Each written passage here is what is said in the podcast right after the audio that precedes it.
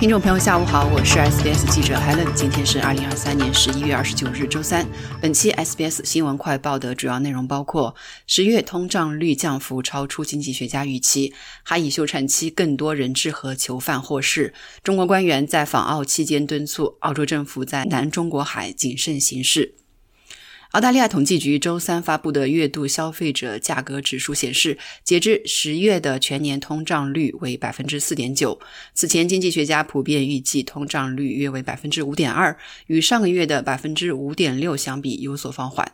不过，这一数据依然高于储备银行设定的百分之二至百分之三的目标。而即使在连续十三次加息之后，现金利率从二零二二年的五月百分之零点一的低点，甚至如今的百分之四点三五，储备银行依然预计通胀率要到二零二五年底才能恢复到目标水平。数据显示，十月的租金价格下降了百分之零点四，年涨幅从上月的百分之七点六降至百分之六点八。统计局指出，租金下降是由于联邦租金援助额度增加的剩余影响。而自六月以来，电价已经上涨了百分之八点四。而如果将能源账单救济基金所提供的金额返还这一因素剔除，在此期间，电价原本的涨幅高达百分之十八点八。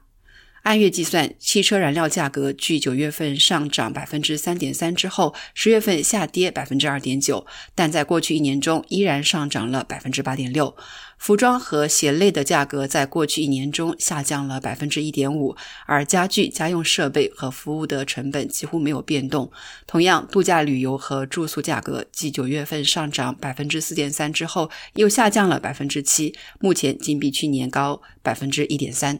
美国已经向埃及派出三架军用飞机中的第一架，将援助物资运往加沙，但人道主义组织表示急需更多援助来解决人道主义危机。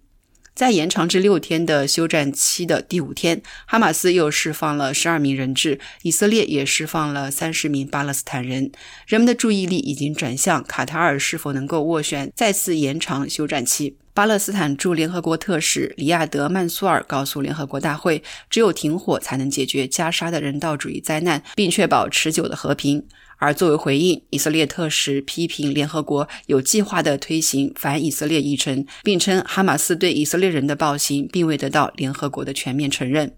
周三，外长黄英贤在堪培拉接待来访的中共中央对外联络部部长刘建超，而此前的军舰声纳事件令此次会晤蒙上阴影。本月早些时候，澳大利亚图文八号护卫舰的人员试图清除舰艇螺旋桨上的渔网时，中国驱逐舰打开了海底声呐，造成至少有一名澳大利亚潜水员受轻伤。澳大利亚政府将这种行为形容为不安全、不专业，已向中国表示严重关切。而在与黄参议员会面之前，刘建超于周二在澳中关系研究院举行的活动中表示，该事件源于澳大利亚在该地区的行为，向中国人民传递了一个信息，即澳大利亚海军舰艇在那里是为了遏制中国。